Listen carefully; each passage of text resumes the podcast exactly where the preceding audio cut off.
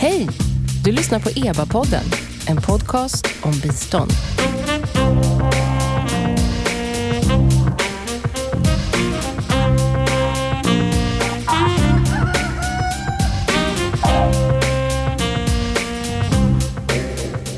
Välkomna till EBA-podden. Jag heter Nina Solomin och EBA är en akronym för Expertgruppen för biståndsanalys. En statlig kommitté som utvärderar och analyserar svenskt bistånd. Och idag har vi två personer i studion som heter nästan likadant. Johan Schar, hej. Hej. Och Johan von Schreeb. Hej. Och bägge dessa herrar är experter i humanitärt bistånd, fast utifrån lite olika roller och erfarenheter. Johan Schar börjar vi med, ledamot i expertgruppen för biståndsanalys och även ordförande i ALNAP. Vad är det? ALNAP är ett internationellt nätverk som försöker förbättra eh, det humanitära systemet genom utvärderingar och olika lärandeaktiviteter. Och sen så har ju du jobbat med humanitärt bistånd på Sida också under några år va? På Sida och eh, många år också med eh, internationella Röda Kors och Röda halvmånerörelsen. Och så har vi Johan von Schreeb, eh, kirurg, docent vid Karolinska institutet. Och du har ju under många år arbetat i fält till och från i katastrofsituationer. Och så har du skrivit en bok om det också. Och vad heter den? Katastrofdoktorn. Just det. Mm. När var den kom ut? Det är några år sedan. Ja, det är tre, fyra år sedan. Tre, fyra, mm. ja. Och eh, därefter har du också gjort sommarprogram i P1. Och så har du startat Läkare utan gränser i Sverige. Just det. Och så har du fått medalj av kungen. Kungen har fått medalj också. Ja. Men du har inte med den idag? Nej, har du jag har faktiskt inte använt den. Va? Den ligger i en låda. Inte Nobelfest eller någonting sånt? Nej, jag har inte gått på några sådana. Det var det värsta. Okej, okay, men eh, om du är med någon mer gång får du gärna ta med medaljen. Kan jag visa upp den, absolut. Mm. Och hur tycker ni att, jag vet att ni pratade lite om det innan när eh, bandningen gick på, men, men eh, hur tycker ni vi ska lösa det här med namnfrågan? Johan Schar och Johan von Schreeb, finns det något, vad ska vi kalla, vad ska jag kalla er? Vi pratar lite olika dialekter. Mm. Ja, men det har du rätt i, det är faktiskt en stor fördel. Ja. Okej, eh, dagens ämne är av lite allvarligare karaktär. Eh, allt fler människor är i behov av humanitärt stöd på grund av klimatförändringar och konflikter. Och 2017 så var mer än 200 miljoner människor i världen i behov av humanitär hjälp. Och FN försöker genom sina appeller få in humanitärt bistånd till utsatta människor. Eh, men trenden är att allt lägre andel av de här appellerna finansieras av givarna. Så att 2017 så mötte givarna 59 procent av behoven och tio år tidigare så var det 70 procent. Och den här tendensen har gjort att Expertgruppen för biståndsanalys har tagit fram en rapport som tittar på vilka följder då den här underfinansieringen får. Rapporten heter Unfunded Appeals Understanding the Consequences Improving the Systems och är skriven av en utvärderare som heter Sofia Swithern i, i England. Nå, Johan Schar, det visade sig lättare sagt än gjort då för Sofia Swithern att få fram data om vilka konsekvenser underfinansieringen får. Mm.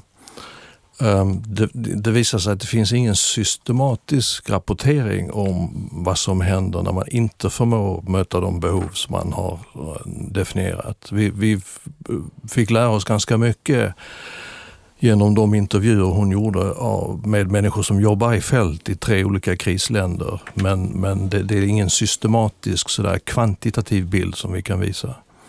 Så, så vilka källor baserar hon sin studie på? Hon använder dels eh, eh sånt eh, material som, som FN själv producerar när det gäller de, här, de, de årliga humanitära planerna eller appellerna.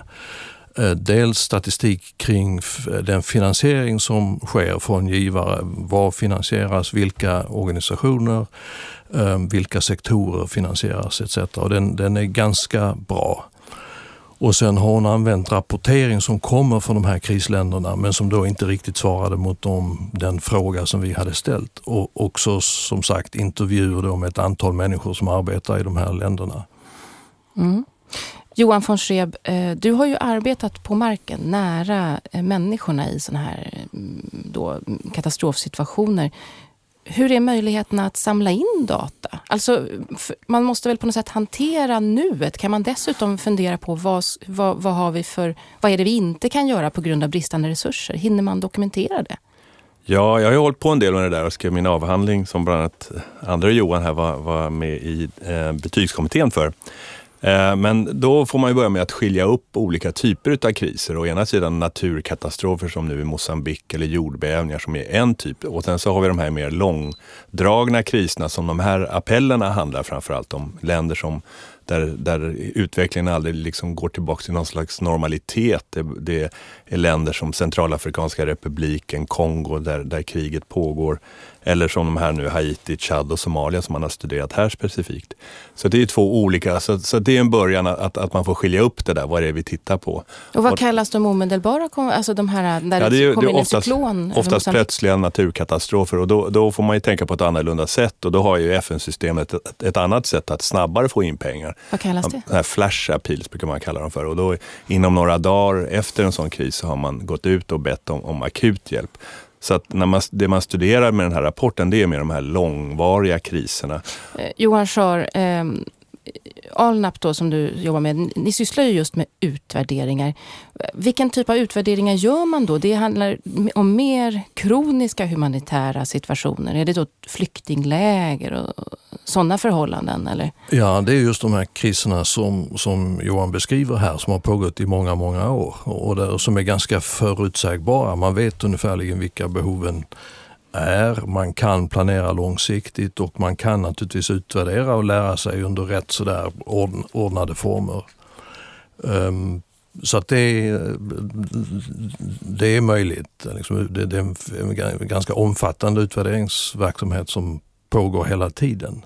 För den här rapportförfattaren pratar en del om att eh, i studien att, att, en av slutsatserna är nästan att det, att det är bristfällig data. Ja. Vad, vad menas med det då om man gör utvärderingar av, av insatser? Ja men det där löpande utvärderingar görs ofta eh, över ganska långa tidsförlopp. Eh, man kanske tittar tillbaks två, tre år på någonting som har gjorts. Va? Men, men det här att förstå vad som händer i stunden. Och om det är så att vi har definierat att behoven är så här stora på något visst område och så får vi bara hälften av det vi har bett om för att möta de här behoven. V vad händer då egentligen? Den slags data finns inte och det visar sig att systemet är inte bra heller på att, att, att följa upp och liksom kontinuerligt uh, följa detta.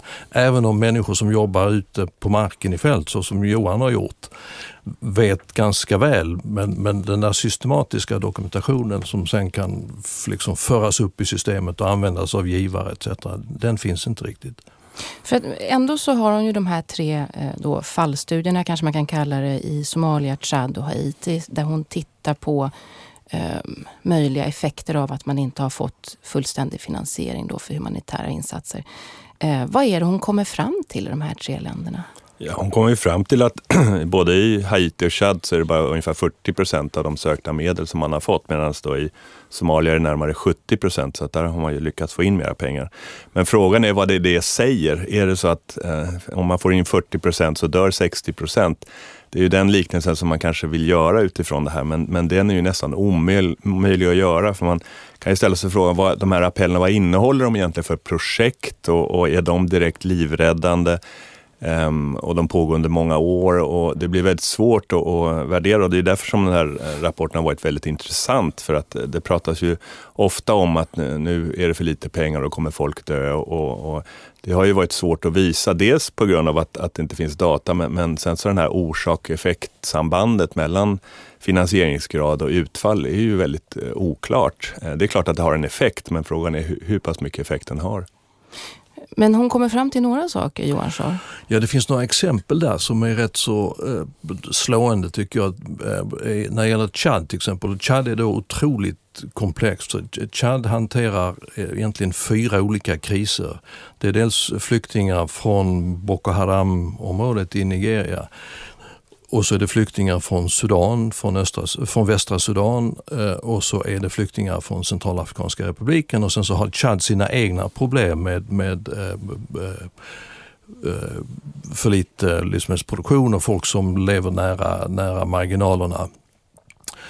Och då finner hon att i, i delar av Chad där har man då tvingats, man har för lite finansiering, man har fått skära ner matransonerna till under hälften av det som är normen. Och då ser man som konsekvens av det här att folk eh, måste ju på något sätt klara livhanken och då tar man till strategier som kan vara väldigt farliga och skadliga för den enskilde och för, för familjen. Hur då? Man, ja, till exempel eh, eh, Boko Haram lyckas rekrytera unga män Aha. som då inte har något annat sätt att, att livnära sig på. Folk kanske ger sig tillbaks till de områden de hade flytt från trots att eh, situationen där inte alls är säker. Och det finns exempel på, på prostitution och så som också uppkommer som en slags sån här överlevnadsstrategi. Mm.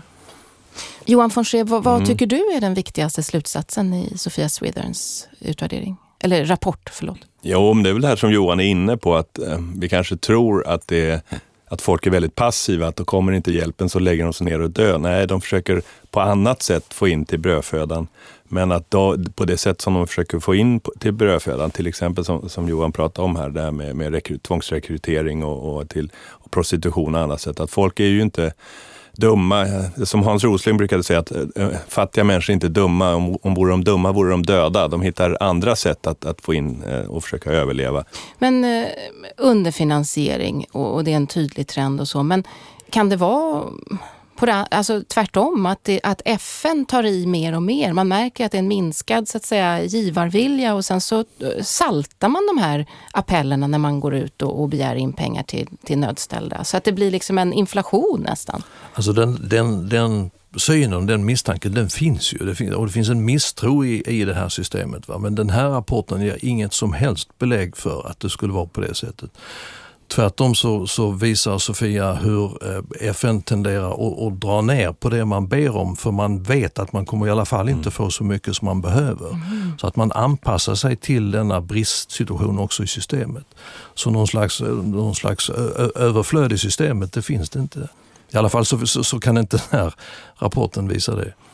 Ja, jag tyckte också det var intressant att de som framförallt drabbas av det här neddragningen, det är ju lokala organisationer. Eh, så att FN-systemet, de organisationer som World Food Program och mm. Unicef, de får större del av kakan än vad lokala organisationer, vilket gör att det blir ännu sämre lokal förankring av, av hjälpen, vilket ju är ett stort problem tycker jag. Men finns det också ett behov, tänker jag, alltså man pratar ju om att, att det är så viktigt att länka ihop långsiktigt utvecklingsbistånd och humanitärt bistånd. Men, men är det också så att man behöver, att olika typer av humanitära system behöver prata lite mer med varandra? Det finns ett humanitärt system där man kan liksom, äh, ringa in alla de olika aktörerna. Men de olika aktörerna, det funkar inte riktigt som ett liksom genomtänkt planerat system där det finns någon som sitter och styr eller så. Utan det finns en massa olika aktörer som samverkar bättre eller sämre med varandra. Och det är klart att man skulle gärna se en mycket bättre samverkan inom det här systemet. Men samtidigt så tror jag att den här risken för politisk styrning är någonting man är rädd för inom det humanitära. Att det, det här ska vara direkt livräddande, det ska inte ta politisk hänsyn. Om det då blir för mycket liksom statlig inblandning och, och, och, politik, då, då tappar man det där humanitära mandatet. Eh. Mm. Och vad, eh, rapporttiteln eh, indikerar ju också att, att hon föreslår vissa förbättringar av det humanitära systemet. Vad, vad, vad är det för förbättringar, Johan Schor? Ja, det är sånt som vi har pratat om. Man, man kan förbättra eh, rapporteringen, man kan förbättra uppföljningen, man kan ha mer enhetliga kostnadsberäkningar än vad man har nu. Ehm, ett problem är att de stora FN-organen eh, är inte så beroende av appellerna för de har ofta direkta relationer till stora givare så de behöver liksom inte agera inom de här eh, humanitära planernas ram på samma sätt som andra. Så där finns rätt mycket man kan göra men det löser ju inte det löser ju inte grundproblemet och en del av de här förändringarna kostar också pengar när man redan har brist. Vi ser till exempel att man tenderar att dra in personal som sitter långt ute i fält. Man har inte råd att ha kvar dem och då, då förlorar man ännu mer information. Hur ska man komma till rätta med då ifall den här trenden fortsätter att, att allt lägre, alltså att de humanitära behoven ökar, allt lägre andel blir finansierad?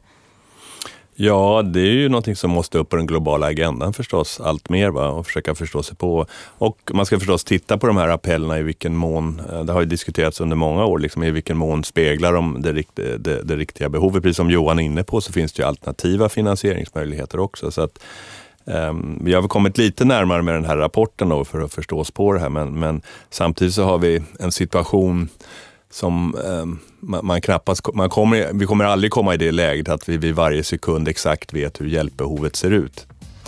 Tack Johan von Schreeb, docent vid Karolinska institutet och Johan Schar, ledamot av EBA och ordförande i Alnap.